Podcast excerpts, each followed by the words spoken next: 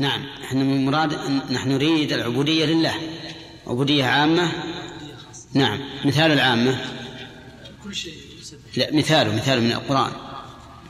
وما من شيء لا يسبح بحمده. نعم. نريد هذا اللفظ عين بعد.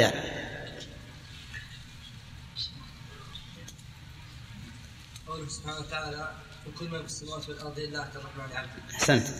قوله تعالى إن كل من في السماوات والأرض إلا آتي الرحمن عبدا هذه العبودية عبودية كونية قدرية لا يمكن أن يشذ عنها أحد طيب لو فرضنا أنه زعيم عظيم مسيطر على خلق كثير هل يخرج عن هذه العبودية؟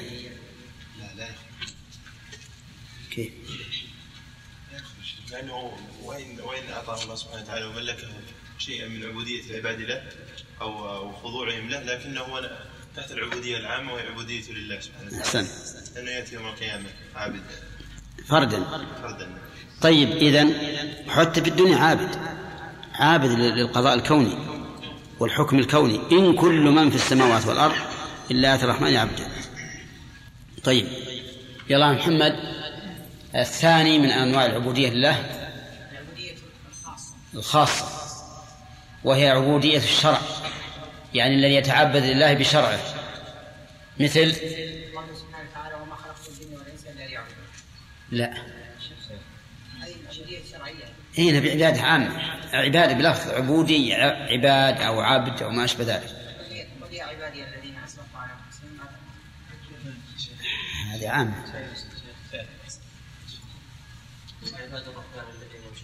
وعباد الرحمن الذين يمشون على الأرض هونا طيب ذكرنا أن الخاصة عبد الله تنقسم إلى خاصة وأخص.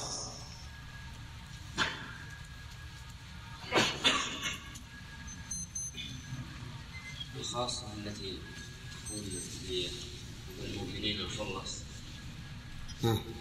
والتي أخص. لعموم سبحان الله. الأخص تجعلها العموم والعامة تجعلها لل- للخلص. لو عكست لكان يمكن أقرب بالصوت ها؟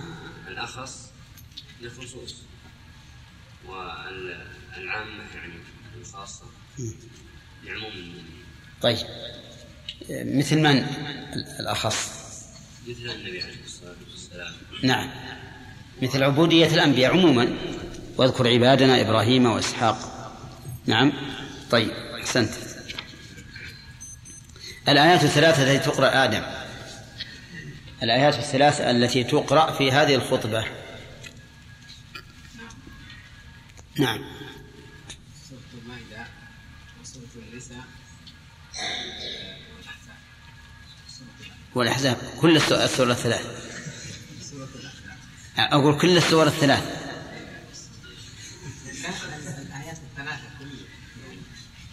سورة المائدة. يريد سورة النساء. واحدة في سورة- سورة المائدة. والثاني في سورة النساء. والثالثة؟ الظاهر أن اللي عقدك النكاح ما قراه. طيب. قوله تعالى في سورة آل عمران يا أيها الذين آمنوا اتقوا الله حق تقاته ولا تموتن إلا وأنتم مسلمون. نعم. سورة النساء يا أيها الذين يا أيها الناس. سمع آدم. يا أيها الناس اتقوا ربكم الذي خلقكم. يا أيها الناس اتقوا ربكم. ربكم الذي خلقكم من نفس واحدة وخلق منها زوجها. منهما. ونساء. واتقوا الله الذي تساءلون به والأرحام. إن الله كان عليكم رقيبا. طيب والثالثة؟ قوله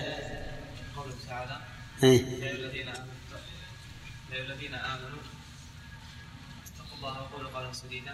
نعم. يصلح لكم ذنوبكم. ومن يطع الله ورسوله فقد فاز فوزا عظيما. أحسنت. هذه ثلاث آيات.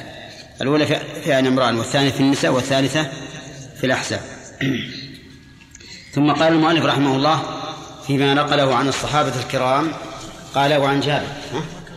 ما كمل الفوائد وش صلنا ها؟ إيه نعم. وأشهد أن لا إله إلا الله. خلاص وشرحنا عبد.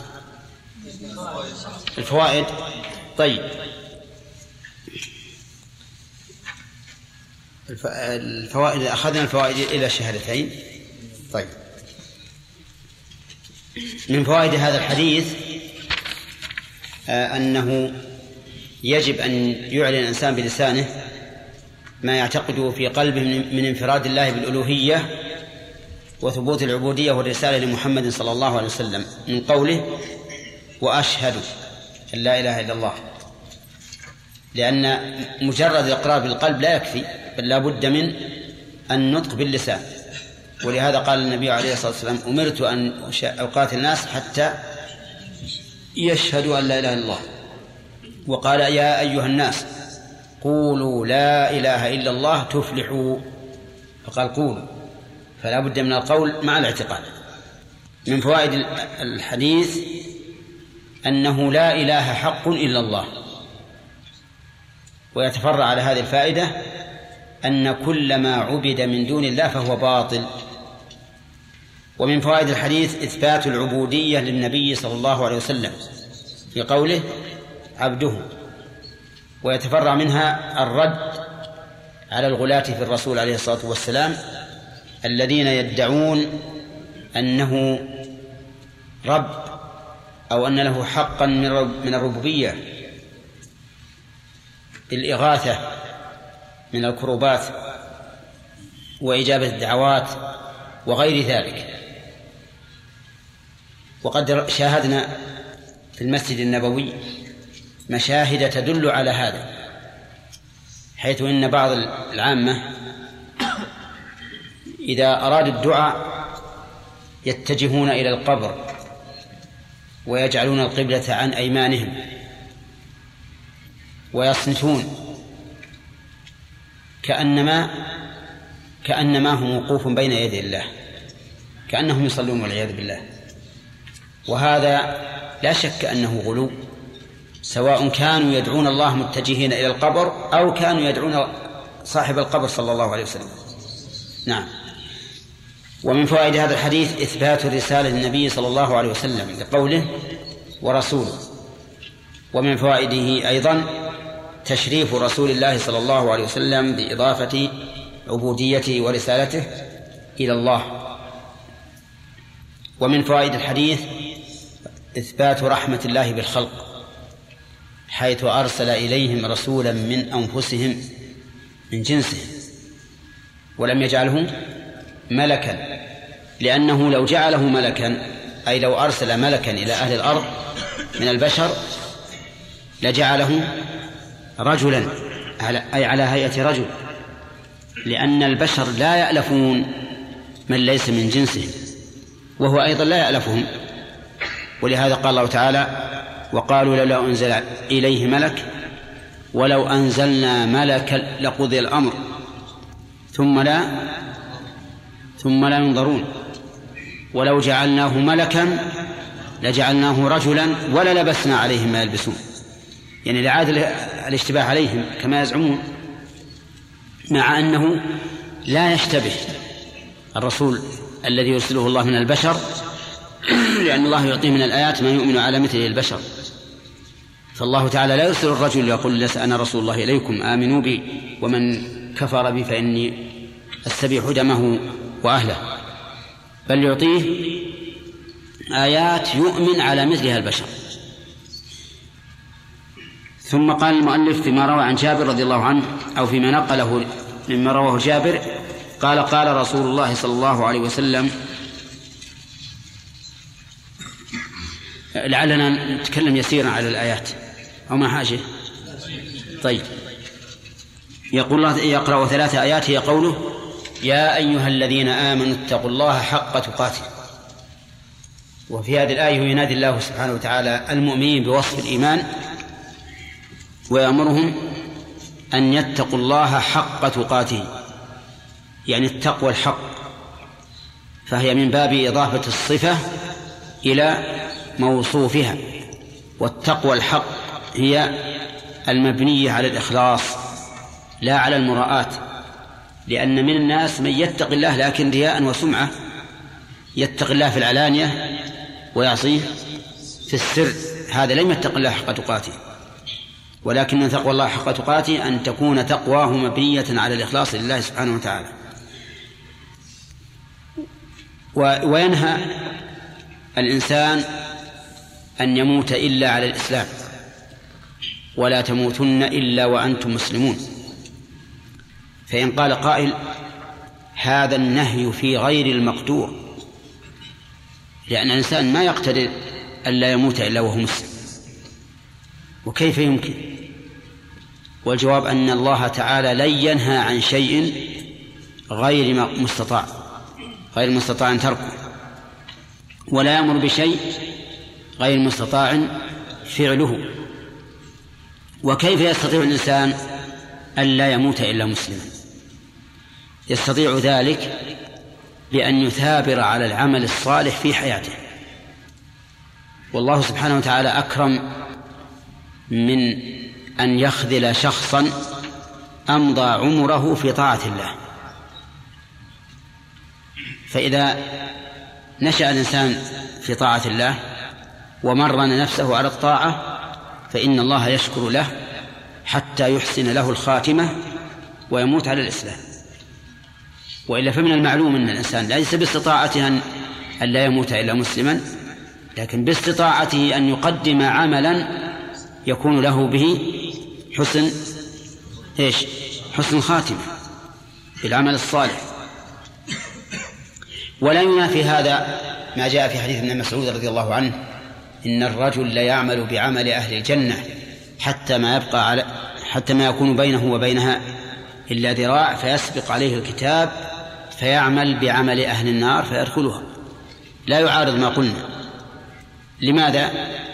لأن حديث ابن عباس لأن حديث ابن مسعود مقيد بما ثبت في صحيح البخاري.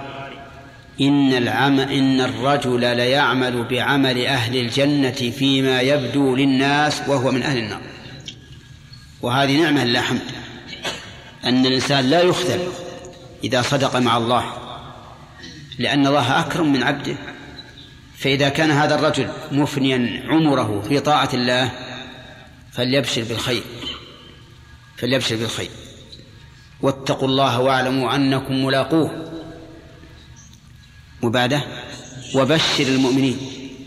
بشارة للإنسان قبل أن تحصل الملاقاة ما دمت مؤمنا لا تخف من هذه الملاقاة لأن لك البشارة. طيب. ثم الآية الثانية يا أيها الناس اتقوا ربكم الذي خلقكم من نفس واحدة وخلق منها زوجها. وبث منهما رجالا كثيرا ونساء واتقوا الله الذي تساءلون به والأرحام. إن الله كان عليكم رقيبا. خلقكم من نفس واحدة هي نفس آدم. وخلق منها زوجها. زوجها ولا زوجتها؟ المخلوق منها أنثى؟ نقول اللغة الفصحى أن الزوج مذكر سواء كان للأنثى أو للرجل. هذه اللغة الفصحى. لكن فيه لغية بتأنيث الزوج إذا كان للأنثى واعتمدها الفرضيون رحمهم الله. اعتمدوها من أجل التمييز بين المسائل. لأنك إذا قلت هلك هالك عن زوج وبنت وأم مثلا فالإنسان يشكل عليه من هذا الزوج يأخذ الربع ولا يأخذ الثمن؟ فإذا بين قيل زوجة إذا كان المراد الأنثى زال الإشكال. ولهذا اعتمد الفرضيون رحمهم الله بالتزام التاء فيما إذا كان أنثى. نعم طيب. وخلق منها زوجها يعني أنثى وهي حواء. حواء هكذا سماها النبي عليه الصلاة والسلام حواء بالمد. قال لولا حواء لم تخن أنثى زوج زوجها. ولولا بنو إسرائيل لم يخنز اللحم. يعني لكان اللحم ما يدود. لولا بني إسرائيل. لولا بنو إسرائيل لكن عوقبوا فصار اللحم يفسد وبقي هكذا. طيب إذن زوجها ما المراد بها؟ خالد هذه زو- زوجته وهي حواء. وبث منهما أي من هذين الزوجين رجالا كثيرا ونساء. رجالا كثيرا ونساء. أيهم أكثر؟ لا تلعب. أيهم أكثر؟ ها؟ أي النساء. رجالا كثيرا ونساء. نعم. نعم بعض العلماء يقول هو الواقع أن النساء أكثر. النساء من بني آدم أكثر من الرجال. واستدل شيخ الإسلام رحمه الله بأن بقول النبي عليه الصلاة والسلام للنساء إن كن أكثر أهل النار. وأن أهل النار من بني آدم تسعمائة وتسعة وتسعون من الألف. قال وهذا دليل على أن النساء أكثر. طيب لكن قوله رجالا كثيرا ونساء وصف الرجال بالكثرة دون النساء لأن كثرة الرجال هي التي تغني. أما كثرة النساء فليس فيها إلا العبء والعوير. نعم. وإذا أردت أن تعرف انظر عند الشدائد. من الذي يقابلها؟ ها؟ الرجال. والنساء لهن لطم الخدود وشق الجيوب. ونتف الشعر وما أشبه ذلك. ولهذا وصف الرجال بالكثرة من أجل أن كثرتهم هي المفيدة. نعم. ونساء واتقوا الله الذي تساءلون به والأرحام إن الله كان عليكم رقيبا. اتقوا الله والأرحام. تقوى الله بطاعته كما هو معروف وتقوى الأرحام أي تقوى إثم الأرحام إذا قطعت. وهذا يعني الأمر بصلة الأرحام. ومن الأرحام؟ الأرحام هم الأقارب. قال الله تعالى وأولو الأرحام بعضهم أولى ببعض.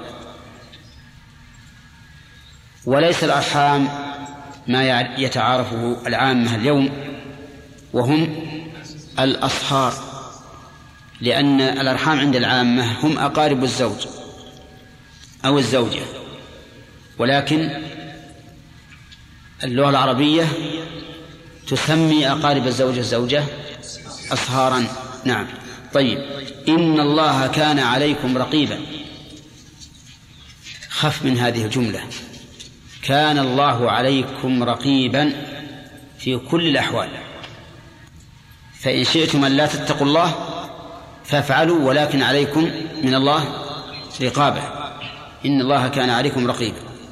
أما الآية الثالثة فيقول يا أيها الذين آمنوا اتقوا الله وقولوا قولا سديدا يصلح لكم أعمالهم ففي هذه الآية يأمر الله المؤمنين بأن يتقوا الله وأن يقولوا قولا سديدا أي قولا صائما يحصل به سد الخلل. وما هو القول السديد؟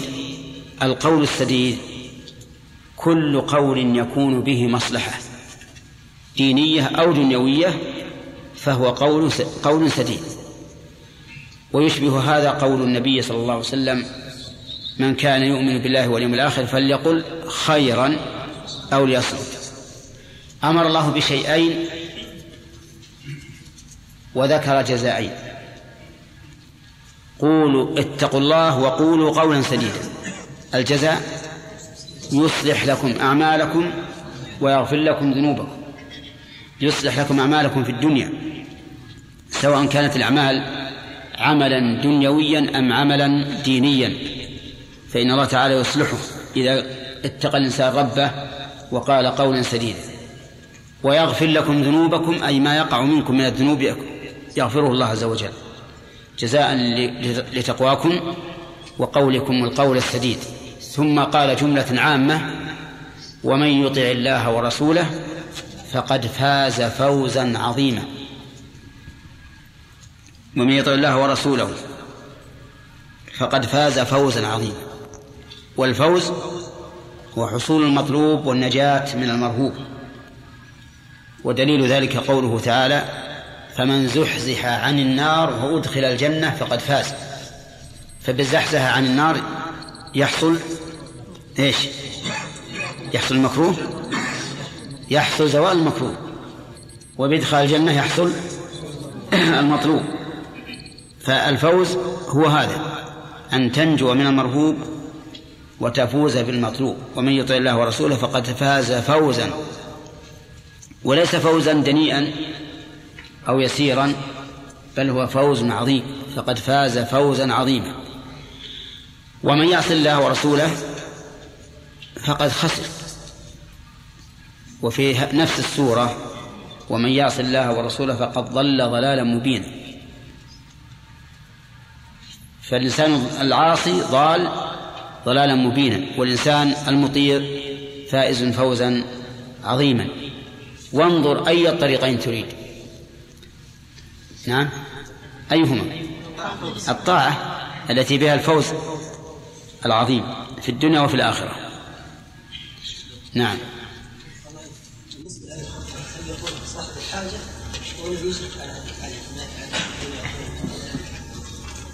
يقولها أي واحد من الحاضرين. يقولها أي واحد من علمنا الخطبة في الحاجة ولم يقل. فمثلا من الحاجة؟ أن الإنسان إذا ذهب يخطب المرأة هذه حاجة. فإذا جلس إلى أوليائها قرأ هذه الخطبة ثم قال أتقدم إليكم بطلب موليتكم موليتكم. ما في مانع أن تقال عند الخطبة عند آه، طلب الرجل النكاح بالمرأة وعند عقد النكاح. نعم محمد. شيخ أحسن الله عليك. قولنا أن آه، يعني عدم ذكر كثيرا للنساء لأن النساء عبء ما نعم. هذا يكون يا شيخ يعني يعضد قول من ي- من يك يعني يسود وجهه عند من إيش؟ من يسود وجهه عند التبشير بالأنثى. من إيش؟ من يعني إيه؟ لا لا نحن قلناها لأن المقام يقتضيه. ضد من يريد أن يسود المرأة. في ناس الآن يريدون أن يصعدوا بالمرأة فوق مستواها وفوق المنزلة التي أنزلها الله. فتنة للناس وإضلالا لهم لأن أشد فتنة ترك الرسول عليه عليه الصلاة والسلام هي النساء. فالآن كما تشاهدون الناس اليوم عندهم عند بعضهم اندفاع عظيم لتعلية المرأة والاهتمام بشأنها. لا على وجه يصلحها ولكن على وجه يفسدها ويفسد, ويفسد عامة الناس بسببه فلهذا لا حرج أن نقول هذا في مقابلة أولئك الذين يسودونها ويعظمونها. وإلا فليست هي في الحقيقة رد من جهة لكنها ردء من جهة آخر من جهة أخرى. من الذي يقوم بالب- بالبيت وأعبائه وإصلاحه؟ إلا النساء. بعض الناس الآن إذا غابت امرأته عن البيت وجاءه ضيوف ما يعرف يسوي الشاي هذا موجود. ما يعرف يسوي الشاي من يقوم بهذا؟ النساء. إذا فهن عبء من وجه وردء من وجه آخر ونسأل الله لا يخلينا منهن. لا تظنوا أننا هنا نحطمهن أبدا. لكننا نحطم قول من يريد أن يعلي المرأة أكثر مما وضعها الله عز وجل. فإن هذا قول لا شك أن منبعه وأصله من شياطين الإنس والجن. نعم أحمد. لو قلنا يا شيخ أن يعني هذه الآية تدل على أفضلية الرجال على النساء بدل ما نقول يعني إنها عبء. أنا قلت لك إننا قلناها في مقابلة من قالوا إنها هي الأصل. نعم.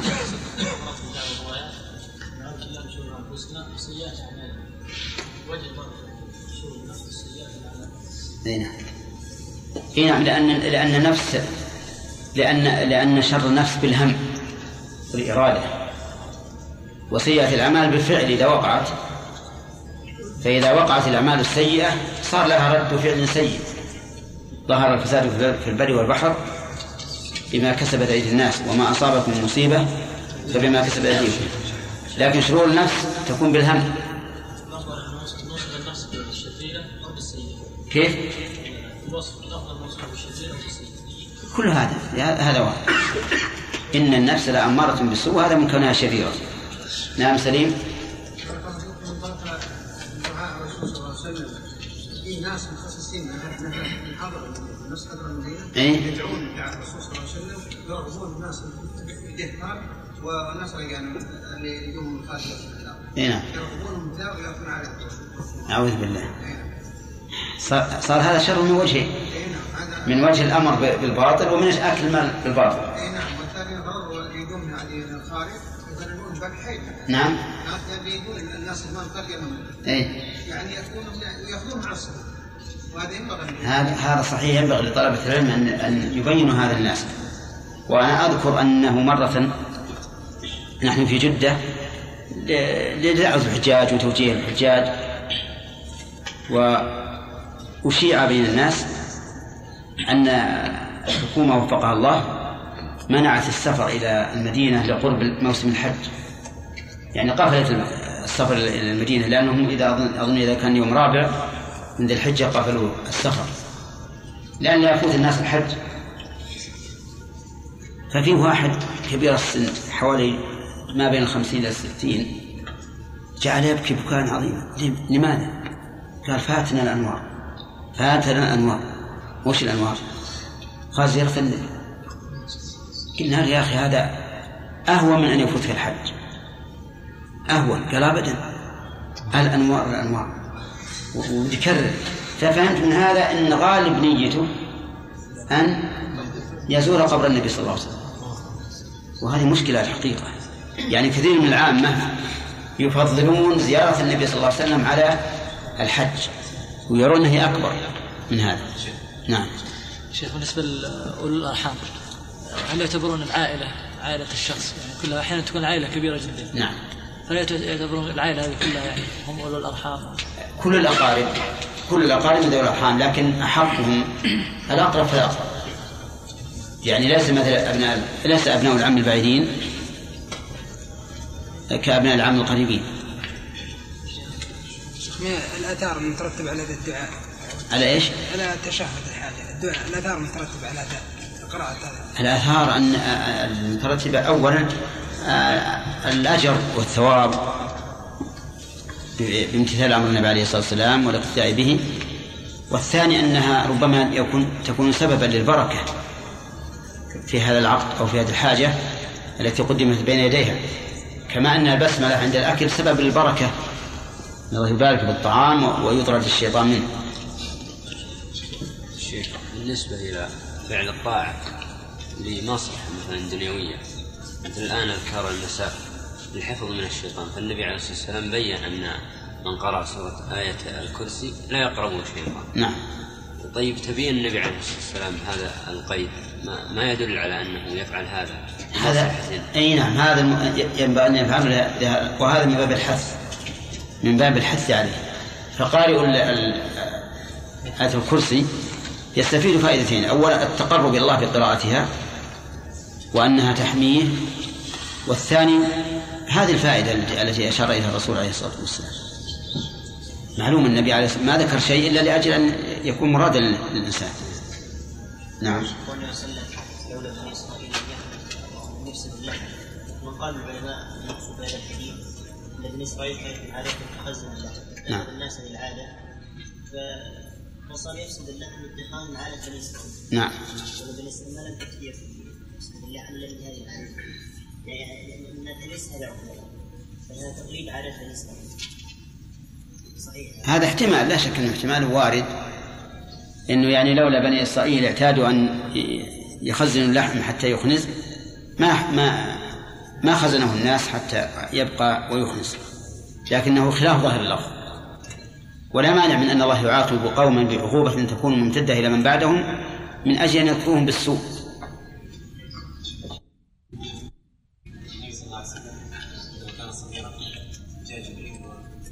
عندما؟ كان صغيرا صلى الله عليه وسلم. نعم.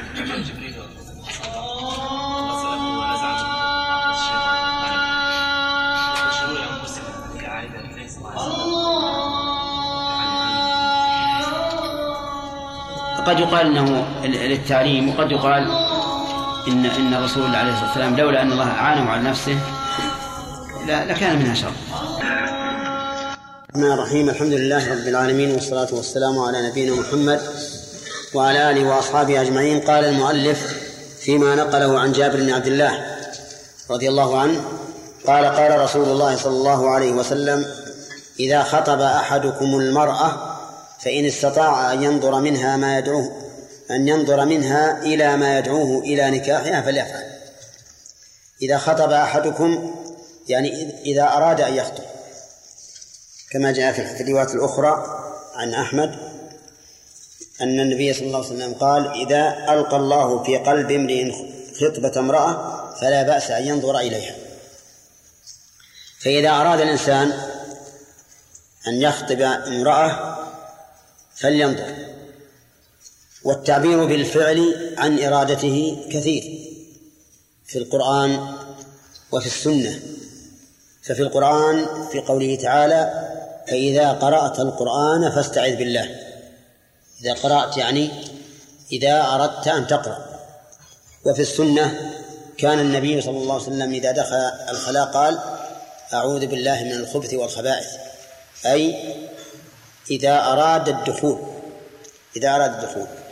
ولا يعبر بالفعل عن عن إرادته إلا إذا كانت الإرادة جازمة وكان الفعل متعقبا لها. فمثلا إذا قرأت القرآن فاستعذ لا بد من إرادة جازمة ولا بد أن تكون القراءة إيش؟ متعقبة للإرادة. أما أن يريد أن يقرأ مثلا بعد العصر فلا يمكن أن يعبر عنه بأنه قرأ في الصباح لأنه لأنه لأنه قد بعد الزمن بين الإرادة والفعل. إذا خطب أحدكم امرأة وأصل أصل الخطبة هو طلب الزواج والنكاح وكانوا إذا أرادوا ذلك قدموا بين يدي هذا الطلب خطبة.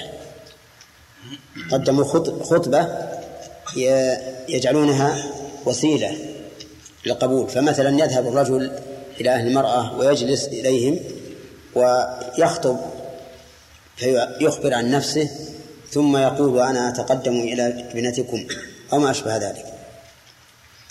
ولكن هذا الأسلوب يختلف باختلاف الناس. وباختلاف الأحوال. أحيانا يمكن للإنسان أن يذهب بنفسه إلى ولي المرأة ويخطبها منه وأحيانا لا يمكنه ذلك وتكون العادة أن يرسل رسولا وأحيانا لا يمكنه ذلك وتكون العادة أن يكتب كتابا. فالمسألة على حسب العادة عند الناس. فإن استطاع أن ينظر منها إلى ما يدعوه إلى نكاحها فليفعل. إن استطاع يعني إن قدر وذلك لأن النساء ذوات الخدور لا يستطيع الإنسان أن يراهن حيثما أراد ولكن إن استطاع بالمحاولة فليفعل. وكانوا يتخ... يختبئون للمرأة يعني يتغبى للمرأة حتى ينظر إلى ما يدعوه إلى نكاحها. وقوله إلى ما يدعوه إلى نكاحها فليفعل إلى ما يدعوه. ما الذي يدعوه أهم شيء هو الوجه. فإن الإنسان إذا رأى أن المرأة جميلة الوجه أقدم على. على خطبتها. ويأتي بقية الأعضاء وتأتي بقية الأعضاء بالتبع فأهم ما يكون هو الوجه. ومن المعلوم أن النبي عليه الصلاة والسلام لا يريد منه أن ينظر مثلا إلى الفرج وإلى البطن وإلى الظهر وما أشبه ذلك. وإنما يريد أن ينظر إلى ما يظهر غالبا عند محارمها. هذا هو الذي يرخص الإنسان فيه. وقوله فليفعل اللام هنا للأمر. والأصل في الأمر الطلب الحقيقي. وقد اختلف العلماء في هذا. فمنهم من قال إن اللام هنا للإباحة. لورود ذلك بعد بعد المنع. لأن الأصل منع الإنسان من رؤية المرأة. فإذا قيل إذا كان كذا وكذا فانظر صار الأمر هنا للإباحة كقوله تبارك وتعالى وإذا حللتم فاصطادوا. فهنا الأمر للإباحة لوروده بعد النهي والمنع. وقال بعض العلماء بل الأمر هنا للإرشاد والاستحباب. ولم أرى أحدا قال إنه الوجوب. فهنا قولان. القول الأول أن الأمر للإباحة لوروده بعد المنع لأن الأصل منع نظر الرجل إلى المرأة. والثاني أنه للإرشاد, للإرشاد والاستحباب لما يترتب عليه من المصالح. فمنها أنه أحرى أن يؤدم بينهما كما جاء في الحديث. أن يعني أن يؤلف بينهما. لأنه حينئذ يقدم على بصيرة. إن أعجبته ويترك على بصيرة إن لم تعجبه. ومنها أن الإنسان لا يلام على ما لو قال إنني أتركها لأن فيها كذا وكذا. بخلاف ما لو خطب ثم عزف بدون سبب فإن الناس قد يلومونه.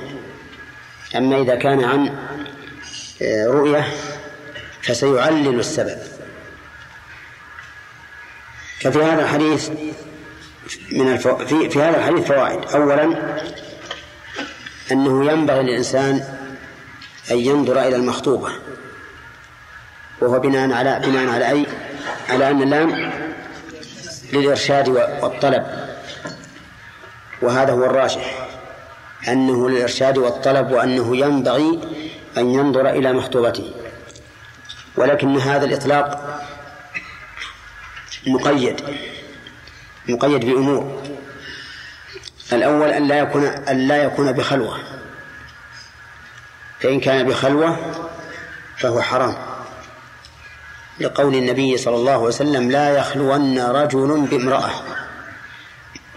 إلا مع ذي محرم.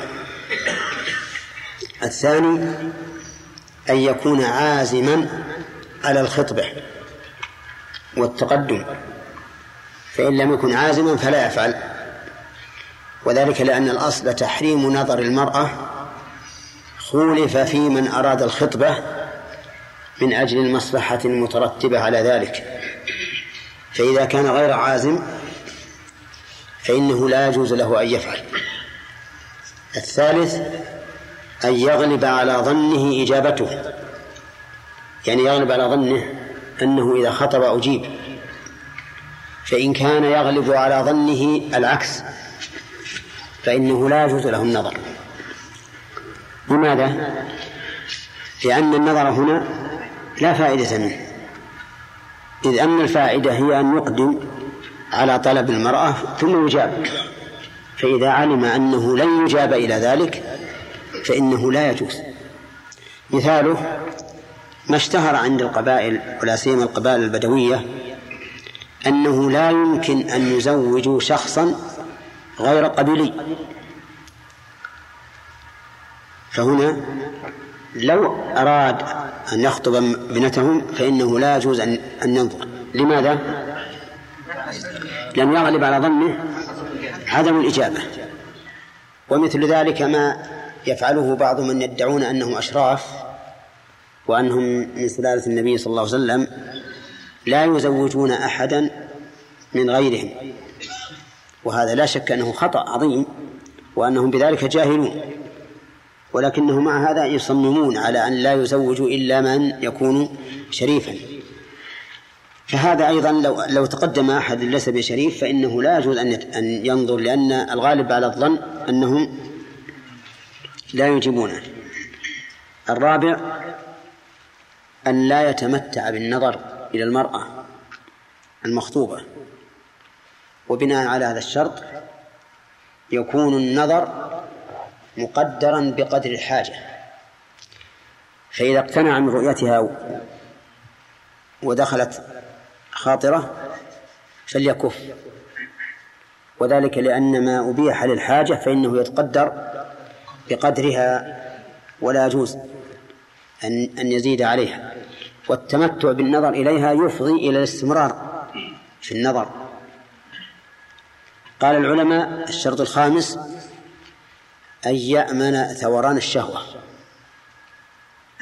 فإن كان لا يأمن فلا يجوز النظر. وفي هذا الشرط شيء من النظر. لأن الإنسان لا يأمن. كل إنسان يتقدم إلى امرأة ليخطبها قد لا يأمن. صحيح أن يقال إن أحس بالشهوة وجب الكف هذا صحيح. وأما أن يأمن ثورانها فهذا شيء قد لا يتحقق. لكن متى أحس وجب عليه الكف لخوف لخوف الفتنة. طيب هل يجوز يعني إذا تمت الشروط جاز النظر؟ وهل يشترط أن تكون عالمة بحضور الخاطب؟ أو لا؟ لا يشترط. فلو نظر إليها بدون أن تشعر به فلا بأس. ولكن لو كانت عالمة فهل يجوز أن تأتي إليه قصدا؟ أو لا؟ ها؟ هل يجوز أن تأتي إليه قصدا؟ أو لا يجوز؟ الظاهر أنه في الزمن الأول لا يمكن هذا لقوله فإن استطاع أن ينظر. وهو إلى عهد قريب غير ممكن إطلاقا. ولا أحد يفكر بأن مخطوبته تأتي إليه عن قصد وعمد. لكن الآن توسع الناس بهذا. وصارت المرأة المخطوبة تأتي إلى خاطبها عن قصد وعمد. نعم. وأظن هذا لا بأس به إن شاء الله. ولكن هل يجوز أن يتحدث إليها تحد حديثا طويلا أو لا؟ الظاهر أنه لا يجوز أيضا أن يتحدث إليها حديثا طويلا لأن المقصود هو الاستعلام فقط. فإذا حدثها بحديث قصير بحيث يعرف صوتها مثلا ويعرف يعني كلامها فإن ذلك كافي. أما أن يتحدث إليها حديثا طويلا فإنها أجنبية منه فلا يتحدث إليها. وكذلك من باب أولى أن لا يتحدث إليها عن طريق الهاتف لأن الغالب أنه لا يخلو من متعة. هذا أن هذا الحديث لا يخلو من متعة سواء كانت متعة حديث أو متعة شهوة. وكثير من الناس يتحدثون إلى مخطوباتهم ربما يبقون الليل كله كما يسألون أحيانا عن هذا. يمضي عليه الليل كله وهو لا يشعر به. لماذا؟ لقوة تعلق قلبه بهذه المحادثة. وهذا لا شك يدل على أنه يتمتع بالمحادثة. إذن فسد الباب أولى. يقال الآن أنت عرفتها واقتنعت بها وخطبتها وقبلت فلا حاجة إلى الحديث. فإذا قال أنا لا أستطيع أن أملك نفسي كما يقولون هذا. يقول لا أستطيع. أنا إذا ما فعلت هذا ما نمت بالليل. نعم. ماذا نقول له؟ نقول أعقد. المسألة بسيطة. أعقد. وإذا عقدت تحدث معها كل الليل. ما في معنى. نعم. هذا هو الدواء. أما أن يقول الله أنا لا, لا يمكن. ولا أستطيع ويضيق صدري إذا لم أفعل فإننا لا نمكنه لأن حقيقة أجنبية منه. ما دام لم يعقد عليها فهي ومن في السوق سواء. لا فرق. فهل يمكن لأحد أن يمسك امرأة في السوق يتحدث إليها هذا الحديث؟ لا. لا يمكن. إذن هذه مثلها تماما. طيب إذن ومن فوائد هذا الحديث سمو الشريعة الإسلامية حيث يطلب من الإنسان أن لا يدخل في أمر إلا على بصيرة. ومن فوائده أيضا سد باب القلق والندم على الإنسان وهذا من منهج الإسلام القويم أن الإنسان لا ينبغي له أن يفتح على نفسه باب القلق والندم. لأن ذلك يزعجه ويفسد عليه حياته وربما يفسد عليه دينه. ولهذا قال النبي عليه الصلاة والسلام في من أصابه ما يكره بعد فعل الأسباب قال لا تقل لو فإن لو تفتح عمل الشيطان من الندم والحزن. وهذا الحديث يدل على ذلك على أنه ينبغي على الإنسان أن يسد باب الحزن والندم عن نفسه وذلك لأنه إذا خطبها عن علم وبصيرة زال عنه الندم. ومن فوائد هذا الحديث أنه يحرم النظر إلى النساء. لقوله إذا خطب أحدكم امرأة ولو كان النظر إلى النساء جائزا وكان من عادة نساء الصحابة لكان الإنسان يستطيع أن ينظر سواء كان خاطبا أم غير خاطب. وهو كذلك. وهذا من الأدلة التي يستدل بها على وجوب تحجب المرأة عن الرجال الأجانب. ثم قال المؤلف وله شاهد عند الترمذي والنسائي عن المغيرة. وخالد يبين لنا ما هو الشاهد. وش معنى الشاهد؟ الشاهد. وأن يأتي أثر.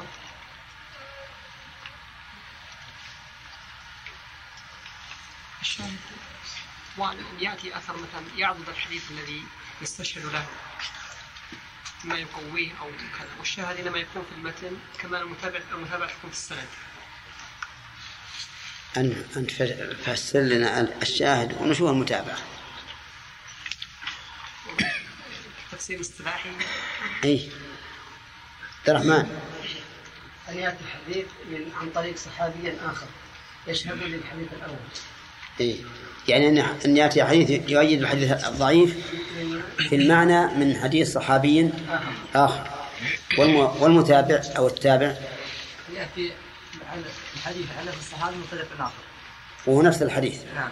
لكن يكون له سندان يضد أحدهما الآخر. وهذا لا يحتاج إليه طبالكم لا يحتاج إليه إلا في الأحاديث الضعيفة التي يطلب أن ترتقي إلى درجة الحسن أو في الحديث الأحاديث الحسان التي يطلب أن أن ترتقي إلى درجة الصحة. أما الصحيح فإنه لا يحتاج إليه. ولهذا لا تجدون كلمة شاهد أو متابع إلا في الأحاديث الضعيفة إما في السند أو في أو في المتن. وعند ابن ماجه وله شاهد عند الترمذي والنسائي عن المغيرة وعند ابن ماجه وابن حبان من حديث محمد بن مسلمة. ابن مسلمة. قال ولمسلم عن أبي هريرة رضي الله عنه أن النبي صلى الله عليه وسلم قال لرجل تزوج امرأة أنظرت إليها؟ قال لا. قال اذهب فانظر إليها. تزوج يعني أراد الزواج. لأنه لو كان قد تزوجها بالعقد لم يكن للنظر إليها حاجة. ولكن المراد تزوج امرأة أي أراد أن يتزوجها. فقال أنظرت إليها؟ قال لا. قال اذهب فانظر إليها. وهذا مما يدل على ما رجحناه في الحديث الأول أن الأمر إيش؟ للاستحباب والإرشاد. وأنه ينبغي للإنسان إذا أراد أن يتزوج امرأة أن ينظر إليها. ولا سيما إذا كانت من قوم ليسوا بذاك الجمال أو من قوم يكون فيهم نقص في أعينهم أو في آنافهم أو في أفواههم أو ما أشبه ذلك. فإن النظر هنا يكون آكد من النظر إلى المرأة التي تكون من قوم فيهم الجمال وفيهم السلامة من العيوب. طيب فإذا قال قائل إذا كنت لا أستطيع أن أنظر إليها فماذا أصنع؟ هل يجزئ عن نظري نظر غيري؟ والجواب نعم يجزئ. لكن نقول إن لم يمكن أن تنظر بنفسك فأوصي من ينظر مثل أن يكون بينك وبين أخيها أو غيره من محارمها صلة. قوية فتطلب منه أن ينبئك عن صفاتها أو أن ترسل أحدا من النساء اللاتي تثق بهن حتى تنظر وتتأمل ثم تخبرك. ولكن لا بد أن تكون المرأة المرسلة لا بد أن تكون ثقة لأن بعض النساء يكون غير ثقة. فإذا ذهبت للخ- للخطبة ودس إليها أهل المرأة ما يدسون جاءت إلى الخاطب وقالت رأيت البدر. وهي لا لا, لا تصلح. نعم. أي نعم. وحدثنا حديثا عن بعض الإخوان آه الذين عندهم سلامة قلب أنه تزوج ذات يوم ولكن المرأة لم تعجب لما دخل عليها.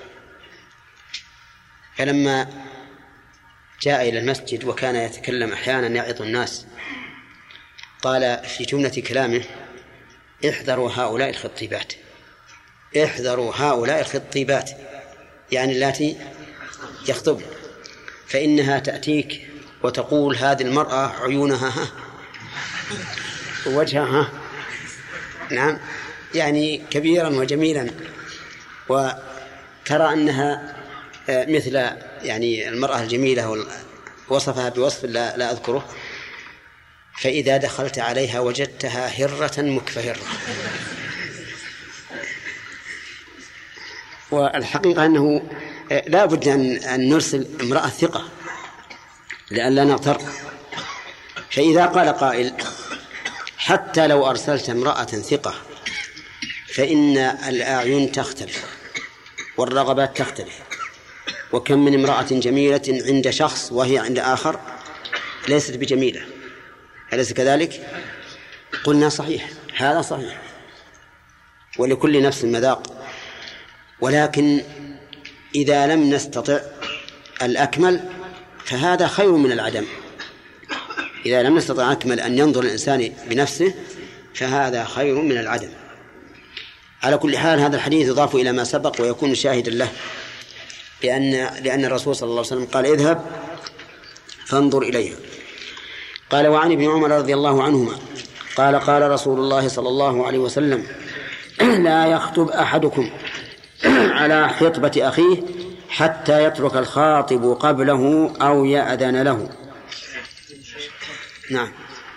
إيش؟ في بعض العلامات في المجتمعات يستخدمون بدلا عن النظر صورة. نعم. يذهب ويطلب صورة. مم. ما تقولون في هذا السؤال؟ يقول إن بعض الناس يطلب صورة المرأة ويكتفي بالصورة عن النظر ذكرنا الله فيما قبل لأن هذا لا يجوز. نعم. لأنه يؤدي إلى العبث بأعراض الناس. فربما أن الخاطب ينظر إلى الصورة متى ما اشتهى وأراد أن يتمتع ينظر إليها. ثم أن الصورة لا تعطي الحقيقة. فمن هذا وجب سد الباب ومن الصورة نعم. ذكرنا فيما سبق أن أن ذلك لا يجوز. أولا لأن لأن الرجل الخاطب ربما يتمتع بالنظر إلى هذه الصورة قبل أن يحصل العقد. وثانيا ربما يريها أصحابه يعرضها عليه يقول إيش تقولون في هذه المرأة؟ أتزوجها أو لا؟ ثم يأتي كل واحد منهم بعيب أو تندر للمرأة. وثالثا أن الصورة لا تعطي الحقيقة.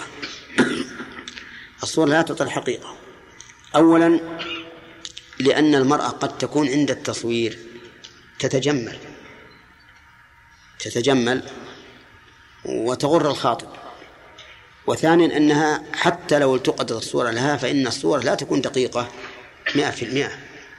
وكم من إنسان إذا طبقته على الصورة التي معه تجد هناك فرقا فالذي نرى أنه لا يجوز. الذي نرى أنه لا يجوز. وهنا انتبهنا أو تذكرت أن المرأة التي يراد خطبتها إذا قلنا إذا قلنا بجواز ما يفعله الناس اليوم من كونها تأتي إلى الرجل عن قصد واختيار هل يجوز لها أن تتجمل أو تتزين؟ تتجمل بالثياب أو تتزين بجسمها؟ الجواب لا. يعني لا يجوز أن تأتي بثياب جميلة ولا يجوز أن تأتي متزينة بكحل أو مكياج أو غيره. لماذا؟ دعونا من الغش لأنها ما هي بزوجته الآن. امرأة أجنبية يا أخوان. امرأة أجنبية منه وفيها أيضا مفسدة غير هذه. إذا جاءت متبهية بهذا التب... آه، البهاء ثم بعد العقد والدخول عليها لم تكن على هذا الوصف. يعني ما جاءت متبهية ولا متجملة تجملها عند الخطبة ماذا تكون نفسه يحصل منه ما ما يسمى برد الفعل. تقول سبحان الله وين المرأة اللي ذاك اليوم لما خطبتها وإله مثل القمر الآن صارت مثل السهى؟ نعم صحيح هذا. فربما إنه يحصل بذلك رد فعل. وهذا نرتقي به إلى مفسدة مجيء الرجل عند النساء في المحفل محفل الزواج وهن كاشفات. فإن هذا مع تحريمه فيه خطر وضرر على المرأة نفسها. لأنه قد يكون في هؤلاء النساء الحاضرات من هو أجمل بكثير من امرأته. وحينئذ يت... تنكمش نفسه ويكون فرحه بهذا الزواج غما لأنه احتقر زوجته عند هؤلاء النساء اللاتي نظر إليهن وهذا من المحذور العظيم. إي نعم.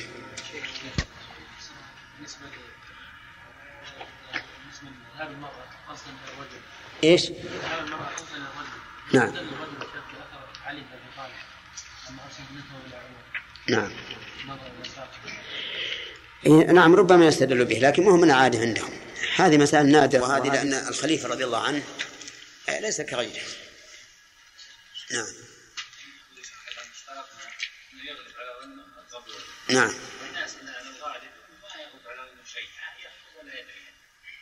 لا لا. هو إذا مكنوه من النظر إليها فهم هذه قبل ما يخطب يعني لو يعني أراد أن ينظر ما أي نعم يجوز. ليش؟ لأن لأن الأصل في الغالب أنه يجاب. لكن لو كان بيخطب من قوم أعلى منه فالغالب أنه لا يجاب.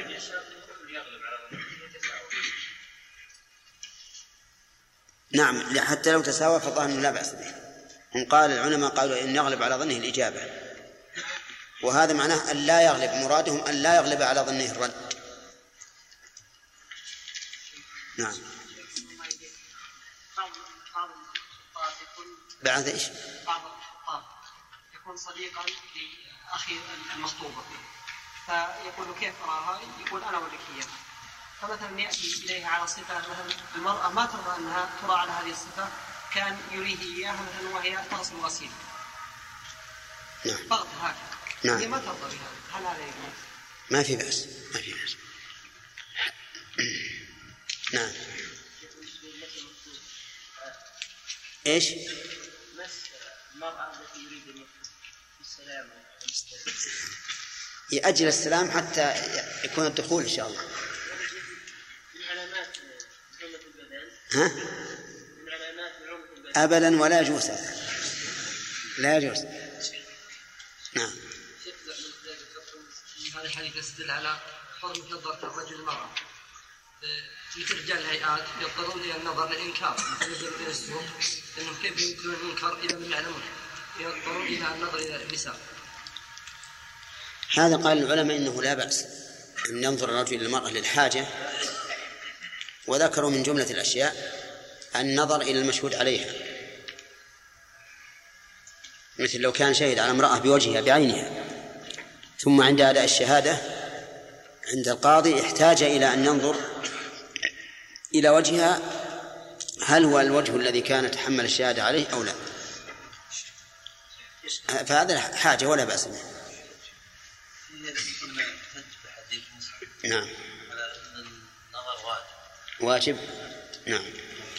واذكر ما قرات ما احتجوا به قالوا الرجل تزوج وامره بالرجوع عقد وامره بالرجوع والنظر.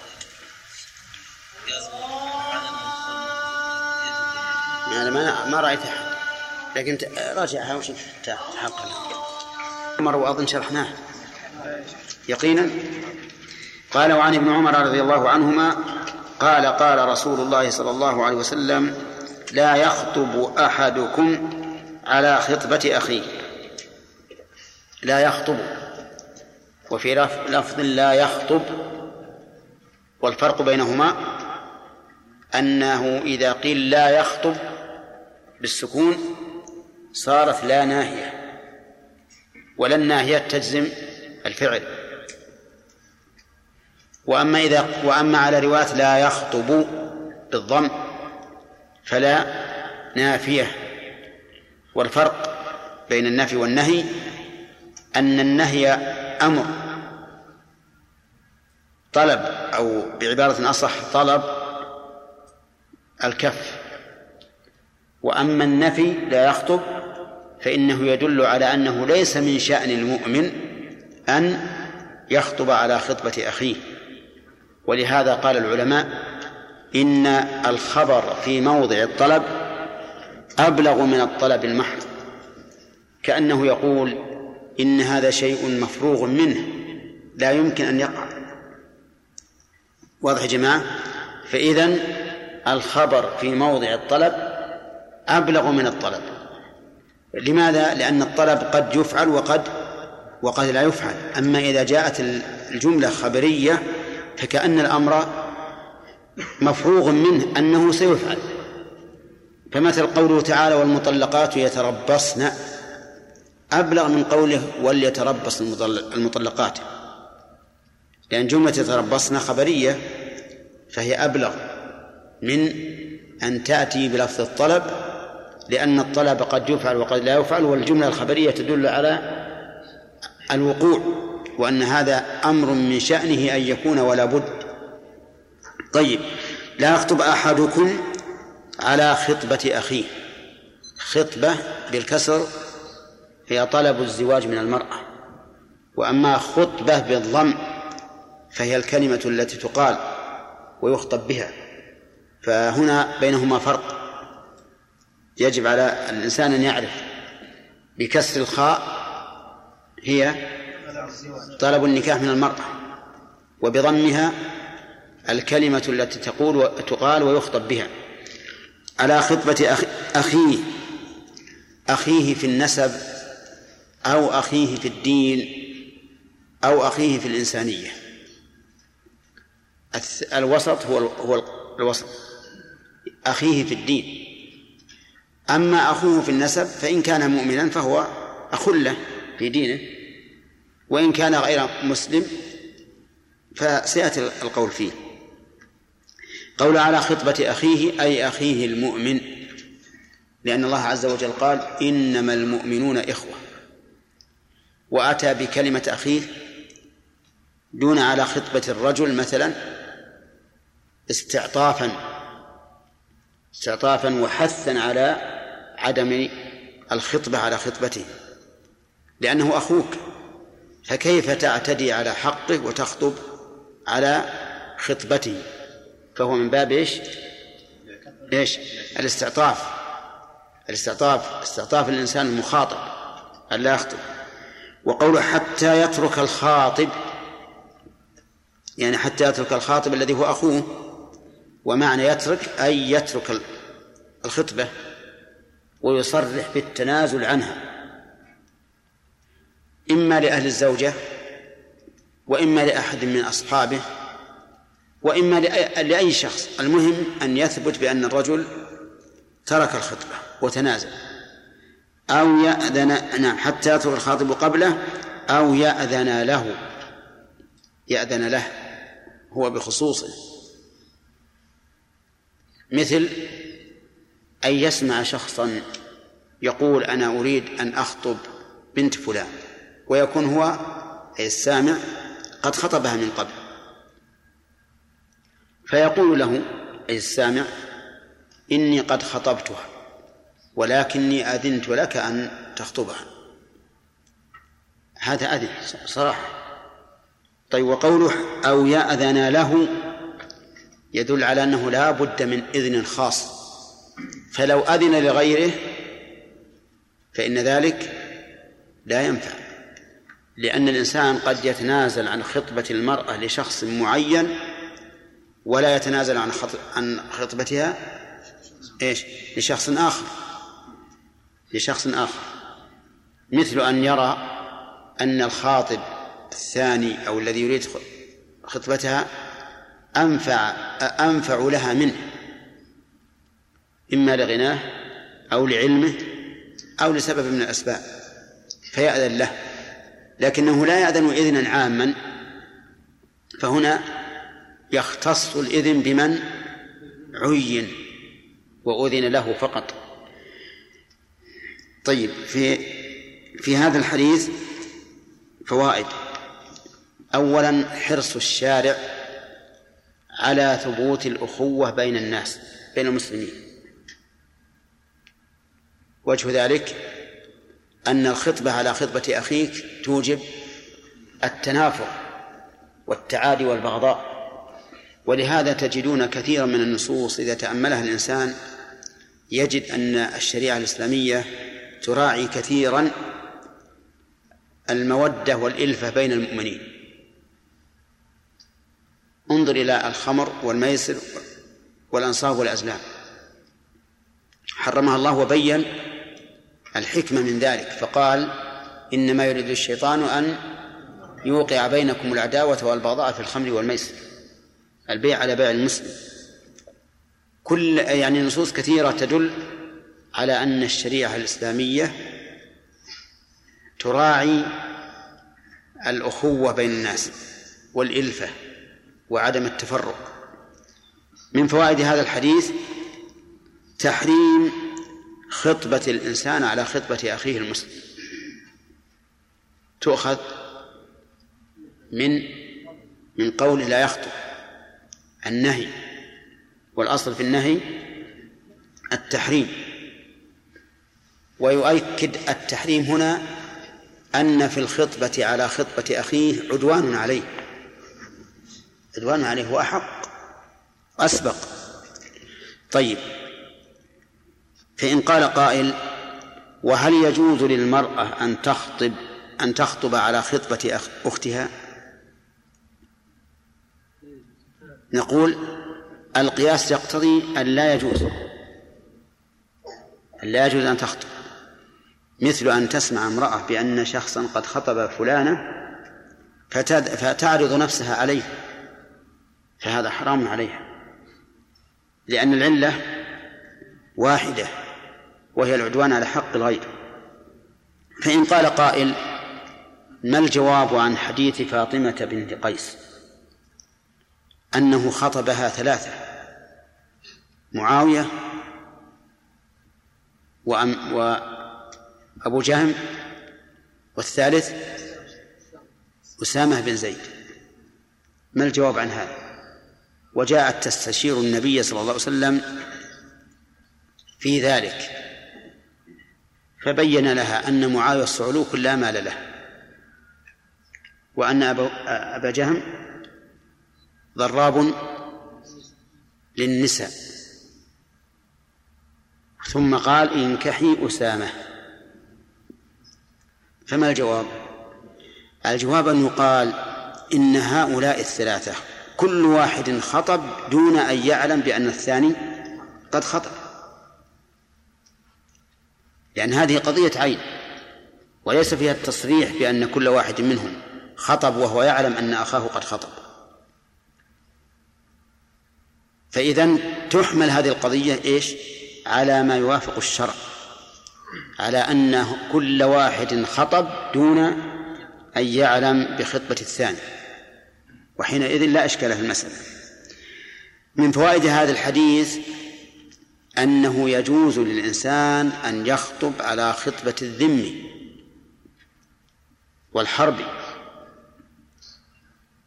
ولكن لو سألنا سائل كيف يتصور أن يخطب على خطبة الذم والحرب؟ لأن الذمي والحربي لا يمكن أن يتزوجا مسلما. فالجواب أن المسلم يجوز أن يتزوج امرأة نصرانية أو امرأة يهودية. فإذا أراد إنسان من المسلمين أن يخطب امرأة يهودية مثلا وعلم أنه قد خطبها رجل يهودي فظاهر الحديث على خطبة أخيه أنه يجوز أن يخطب على خطبة اليهودي. لأن اليهودي ليس أخا له. وكذلك لو كان الخاطب نصرانيا فيجوز أن تخطب. ولكن بعض أهل العلم يقول إن هذا حرام. ولا يجوز أن يخطب على خطبة اليهودي ولا النصراني.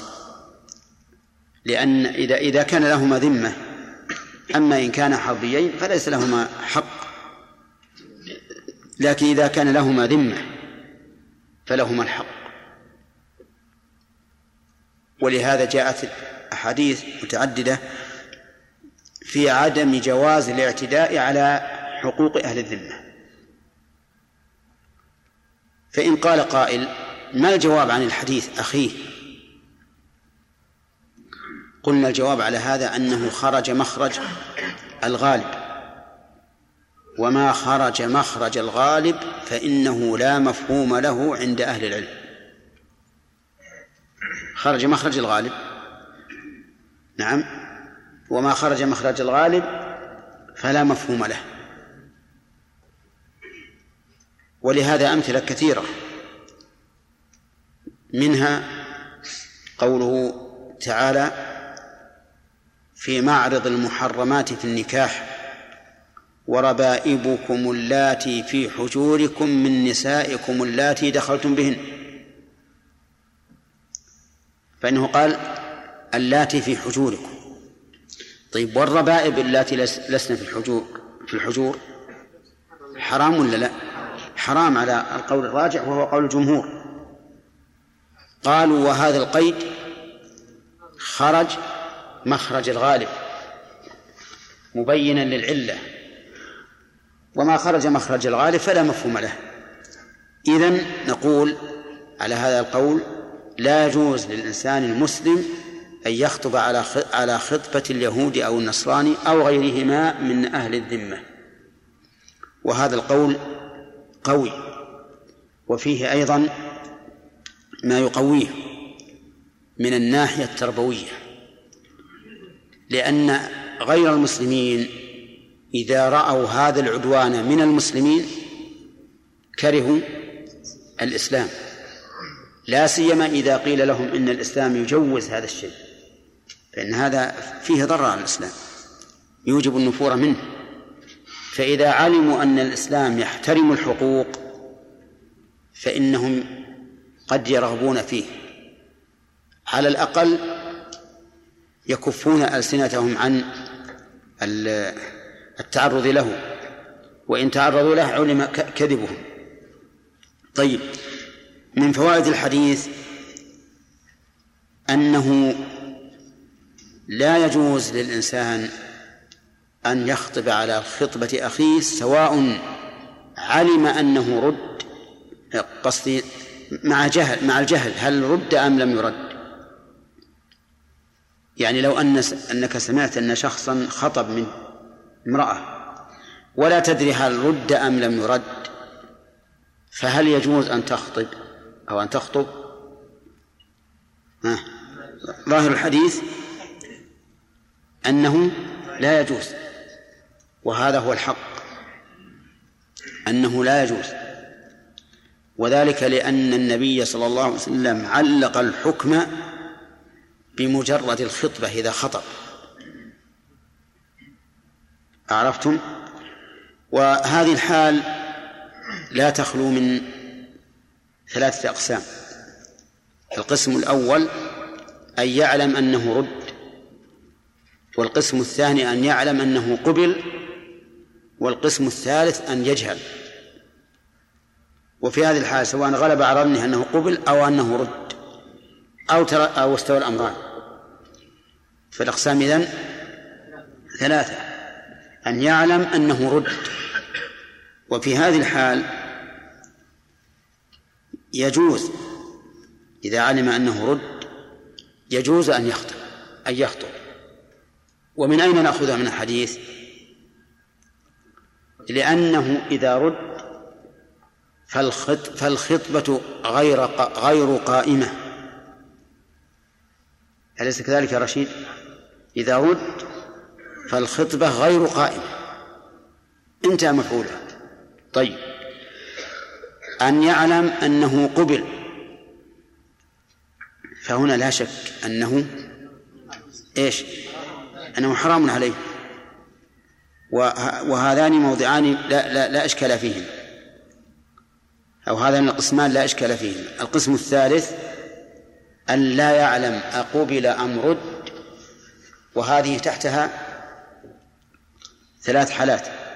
أن يغلب على ظنه أنه قبل أن يغلب على ظنه أنه رد أن يستوي الأمران. وفي هذه الأحوال الثلاث لا يجوز على القول الراجح أن يخطب على خطبة أخيه. لا يجوز. واضح يا جماعة؟ لأن الرسول عليه الصلاة والسلام علق الحكم بماذا؟ بالخطبة ما هو بالقبول. وذهب بعض أهل العلم إلى جواز الخطبة في هذه الحال. ما هي الحال هذه؟ إذا كان لا يعلم أنه قبل ولا يعلم أنه رد. قالوا لأنه لأنه حتى الآن لم يتعلق حقه بالمرأة. لم يتعلق إلى أن ما قبل. فلم يتعلق حقه بالمرأة. ولكن هذا القول مخالف لظاهر الحديث. مخالف. ولأن المرأة وإن لم تكن قبلت أو أولياؤها لكن قد تكون قد مالت إلى إلى القبول. فإذا خطبها الثاني إيش؟ رجعت. رجعت عن الميل هذا إلى قبول الثاني. فيصير في هذا عدوان. وفي البيع نهى النبي عليه الصلاة والسلام عن السوم على سوم المسلم مع أن البيع لم ينعقد. لكن إذا إذا أراد البائع إذا مال البائع إلى إلى السائم فإنه لا يجوز لك أن تسوم عليه. هذه مثلها. فالصحيح أنه لا يجوز أن يخطب حتى يعلم أنه رد. قال أو يترك الخاطب. هذه الحالة الثانية. إذا ترك الخاطب علم أن الخاطب ترك خطبة المرأة وعدل ولكن بأي طريق يعلم؟ سبق لنا أنه يعلم بإيش؟ بالصريح. يقول أنا خطبت منها الجماعة ولكني عدلت. أو يعلم من خبر ثقة أنه عدل المهم إذا ترك جازت الخطبة. لماذا؟ لأن الخطبة الآن غير قائمة. الرجل عدل.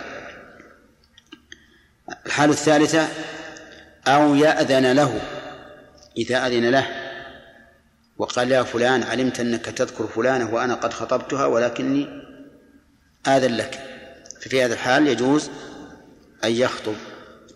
فصار جواز الخطبة على خطبة الإنسان تكون في ثلاث أحوال.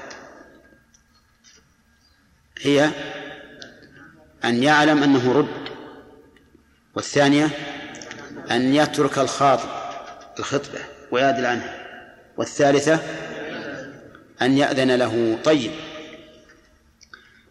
وظاهر الحديث أنه لو أذن لغيره فإنه لا يحل لغير المأذون له أن يتقدم للخطبة. لأن الحديث نص أو يأذن له. وكما قلنا في شرح الحديث إن الإنسان قد يأذن لشخص ولا يأذن لآخر. والأصل الحرمة واحترام الخاطب حتى يقوم دليل على أن هذا الأصل قد زال.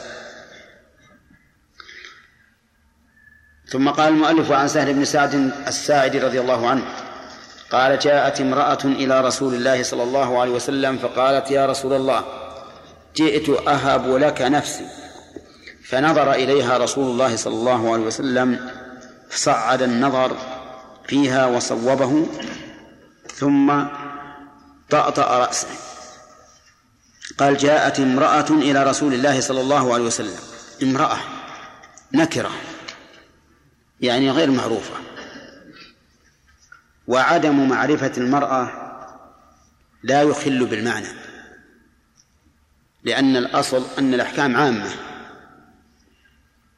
ونجد بعض الناس يتكلف في تعيين الشخص وهو في الحقيقة لا حاجة إليه. اللهم إلا أن يتعلق في تعيينه حكم شرعي. هذه حينئذ لا بد أن نعرفه لكن إذا كان الأمر لا يختلف سواء علمنا عينه أم لم نعلم فلا حاجة أن نتعب أنفسنا في إيش؟ في طلب التعيين. جاءت امرأة إلى رسول الله صلى الله عليه وسلم فقالت يا رسول الله جئت أهب لك أهب لك نفسي. أهب. الهبة هي التبرع للشخص بدون مقابل. بدون مقابل. وهذا يعني هبة المرأة نفسها إلى شخص ليتزوجها من خصائص النبي صلى الله عليه وسلم. كما قال الله تعالى وامرأة مؤمنة يعني وأحللنا لك امرأة مؤمنة إن وهبت نفسها للنبي إن أراد النبي أن يستنكحها خالصة لك من دون المؤمنين. فنظر إليها رسول الله صلى الله عليه وسلم فصعد النظر فيها وصوبه. صعده رفعه. وصوبه نزله. قال الله تعالى أو كصيب من السماء. صيب يعني مطر نازل من السماء. صعد النظر فيها وصوبه لأنه الآن خاطب. والخاطب يجوز أن ينظر إلى مخطوبته. ولهذا صعد النظر وصوبه. هذا من جهة من جهة أخرى أن كثيرا من العلماء ذكروا أن رسول الله صلى الله عليه وسلم له خصائص في باب النظر وفي باب الخلوة بالمرأة وهو أنه يجوز له أن ينظر إلى المرأة ويجوز أن يخلو بها وذلك لأن الفتنة مأمونة غاية الائتمان بالنسبة لرسول الله صلى الله عليه وسلم وأصل النظر إنما حرم خوف الفتنة وإلا لكانت المرأة مثل الرجل. لكن لخوف الفتنة منع النظر ومنعت الخلوة. لكن الرسول عليه الصلاة والسلام هذا الفتنة مأمونة في حقه غاية الأمان ولهذا جاز له أن ينظر إلى المرأة الأجنبية وأن وأن يخلو بها. على أن على أن لدينا علة أخرى في هذا الحديث وهي إيش؟ الخطبة. طيب. فنظر فصعد وصوب ثم طأطأ رأسه. يعني نزله. نزله يعني وصار لا ينظر إليها. فلما علمت فلما رأت المرأة أنه لم يقض فيها شيئا جلست. وهذه من حسن خلق الرسول عليه الصلاة والسلام أنه لا يرد أحدا أو يصدمه. فلو قال لها أنا لا أريدك صار في هذا صدمة عظيمة. لكنه طأطأ رأسه وسكت والمرأة من فقهها جلست ولم تنصرف. ثم فقام رجل من أصحابه فقال يا رسول الله إن لم تكن لك بها حاجة أي رغبة فزوجنيها. زوجنيها هذا التماس وطلب. وليس أمرا لأن مثل الصحابي لا يأمر النبي صلى الله عليه وسلم. لكن هذا من باب الترجي والالتماس أن يزوجه إياه. قال فهل عندك من شيء؟ فقال لا والله يا رسول الله. هل عندك من شيء؟ أولا هداية الله يعرف لنا من شيء.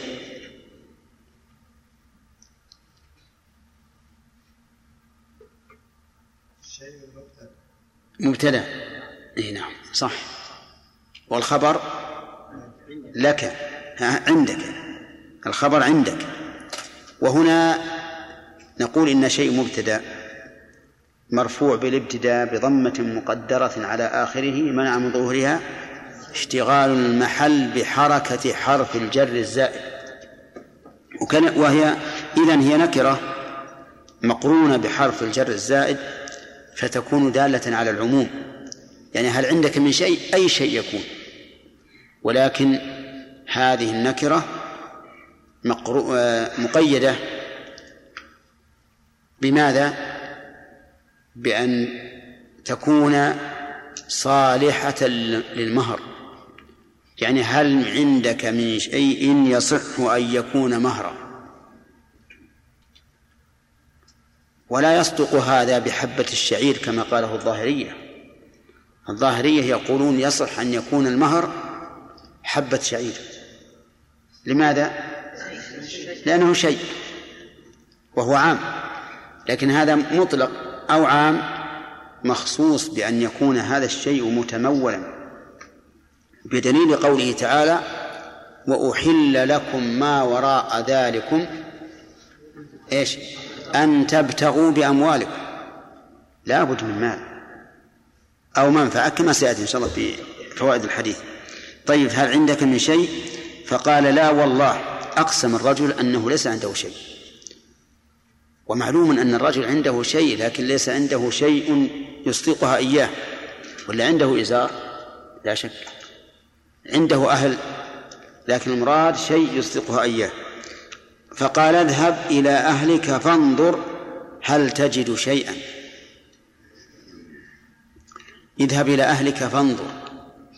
لو قال قائل كيف يأمرها أن يذهب إلى أهله؟ ينظر وقد أقسم أنه لا لا يجد شيئا. نعم. فالجواب أن الإنسان يحلف على غلبة ظنه وربما يكون هذا الظن ولكن لو فتش ها لوجد. وكثيرا ما ينسى الإنسان أشياء في بيته فيقسم انها ما هي عندي ويروح يدور فيجده. ولهذا قال له النبي عليه الصلاة والسلام اذهب إلى أهلك فانظر هل تجد شيئا. فذهب ثم رجع. فقال لا والله ما وجدت شيئا. سبحان الله. ما وجد ولا قرشا واحدا. نعم. يعني حال الصحابة رضي الله عنهم في الدنيا ليست مفتوحة عليهم. نعم. فقال ثم رجع فقال لا والله ما وجدت شيئا. فقال رسول الله صلى الله عليه وسلم انظر ولو خاتما من حديد. انظر يعني هل عندهم شيء؟ ولو خاتما من حديد. الخاتم معروف والحديد معروف. وهذا يضرب مثلا للقلة. يعني ولو كان أقل قليل لو كان خاتما. نعم من حديد تعطيه إياها فافعل وليس هذا على أساس الدبلة كما يظنه بعض الناس. يعني خاتم تلبس إياها علشان لا المقصود ولو شيئا زيدا كالخاتم من الحديد. طيب. فذهب ثم رجع فقال لا والله يا رسول الله ولا خاتم من حديد. لأن الرجل فقير ولكن هذا إزاري. والرجل ليس عليه رداء ليس عليه إلا إزار فقط. ستر به عورته وما نزل من جسده. قال سهل ما له رداء. الكلام متصل قال هذا إزاري ولها نصفه فلها نصفه. فقال رسول الله صلى الله عليه وسلم ما تصنع بإزارك؟ حتى لو أعطيت لو أعطيت المرأة نصفه مهرا وش تصنع؟ هل تستفيد منه؟ لا. ولهذا قال إن لبس إن لبسته لم يكن عليها منه شيء وإن لبسته لم يكن عليك منه شيء. إزار. ولعله لية واحدة أيضا. لو كان ليات ربما يقسم لكنه لية واحدة وإن أعطيت إياه ما بقي لك شيء وإن صار عندك لم يكن لها شيء. فقال فجلس الرجل. حتى إذا طال مجلسه قام. فرآه النبي صلى الله عليه وسلم موليا. فأمر به فدعي به فلما جاء قال ماذا معك من القرآن؟ ماذا معك من القرآن؟ يعني ما الذي معك من القرآن؟